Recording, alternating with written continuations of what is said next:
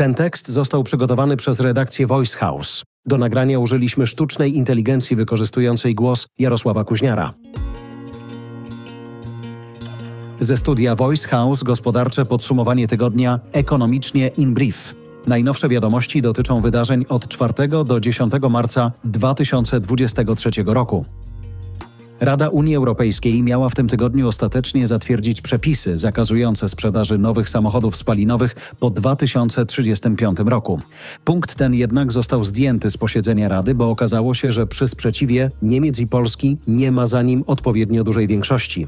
Projekt będzie teraz zapewne poprawiany tak, aby uwzględnić propozycje niemieckie. Chodzi o to, aby po 2035 roku można było sprzedawać także auta neutralne klimatycznie, nawet jeśli nadal byłyby na benzynę albo olej napędowy. Chodzi o auta wyprodukowane w fabrykach używających prądu ze źródeł odnawialnych i napędzanych paliwami z rafinerii wykorzystujących technologię odzyskiwania dwutlenku węgla z atmosfery. Premier Morawiecki ogłosił, że będzie konsolidować finanse publiczne, czyli zlikwiduje fundusze pozabudżetowe, przez które w ostatnich latach przechodzą miliardy wydatków państwa.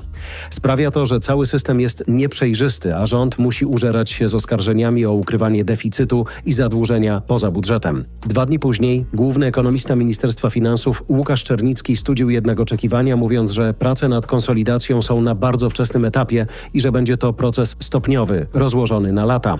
Tymczasem Komisja Europejska zapowiedziała, że chce, aby od przyszłego roku Unia powróciła do swoich reguł fiskalnych i stosowania procedury nadmiernego deficytu wobec państw, w których przekracza on 3% PKB. Według prognoz rządu w Polsce w tym roku deficyt ma sięgnąć około 4,5% PKB.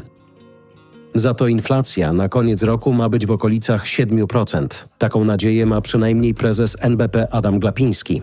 Jego zdaniem, jeśli tak się stanie, to wtedy pod koniec roku będzie można zacząć obniżać stopy procentowe w Polsce. Niestety, z nowej opublikowanej dziś projekcji inflacyjnej NBP nadal wynika to samo co z poprzedniej, czyli tej z listopada. Inflacja ma zejść w okolice celu wyznaczonego na poziomie 2,5% dopiero w 2025 roku. W ostatnim kwartale 2025 roku ma wynosić średnio 3,1%, a Rada Polityki Pieniężnej, która obradowała w tym tygodniu, kolejny raz nie zmieniła poziomu stóp. Ta główna jest na poziomie 6,75%. Za to inflacja, według prezesa Glapińskiego sięgnie w danych za luty szczytu na poziomie 18,5%. Odpowiednio zaawansowani wiekowo i lubiący się bać inwestorzy mogą sobie w tym tygodniu przypominać czasy upadku Lehman Brothers, ponieważ na giełdzie w Stanach znowu wyraźnie tanieją akcje banków.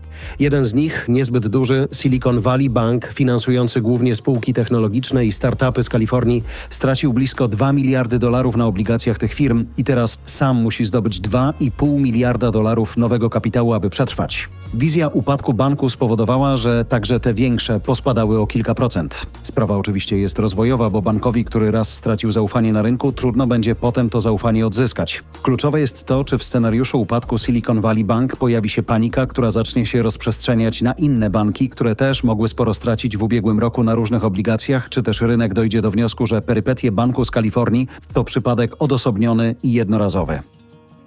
PKN Orlen wykonał w tym tygodniu wspaniały szpagat intelektualny.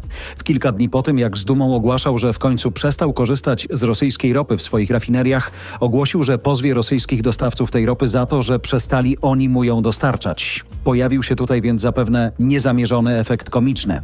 Nie zmienia to jednak faktu, że roszczenia Orlenu są uzasadnione, ponieważ tak naprawdę to nie on zrezygnował z rosyjskiej ropy, tylko Rosjanie. Faktycznie zakręcili mu kurek z ropą, czym złamali postanowienia kontraktu, którego Orlen zamierzał przestrzegać do końca jego obowiązywania pod koniec 2024 roku. Stąd istnieje spore prawdopodobieństwo, że sąd orzeknie, że Orlenowi należy się odszkodowanie. Chyba, że Rosjanie dowiodą przed sądami, że wina za zaistniałą sytuację leży po polskiej stronie. Ten tekst został przygotowany przez redakcję Voice House. Do nagrania użyliśmy sztucznej inteligencji wykorzystującej głos Jarosława Kuźniara.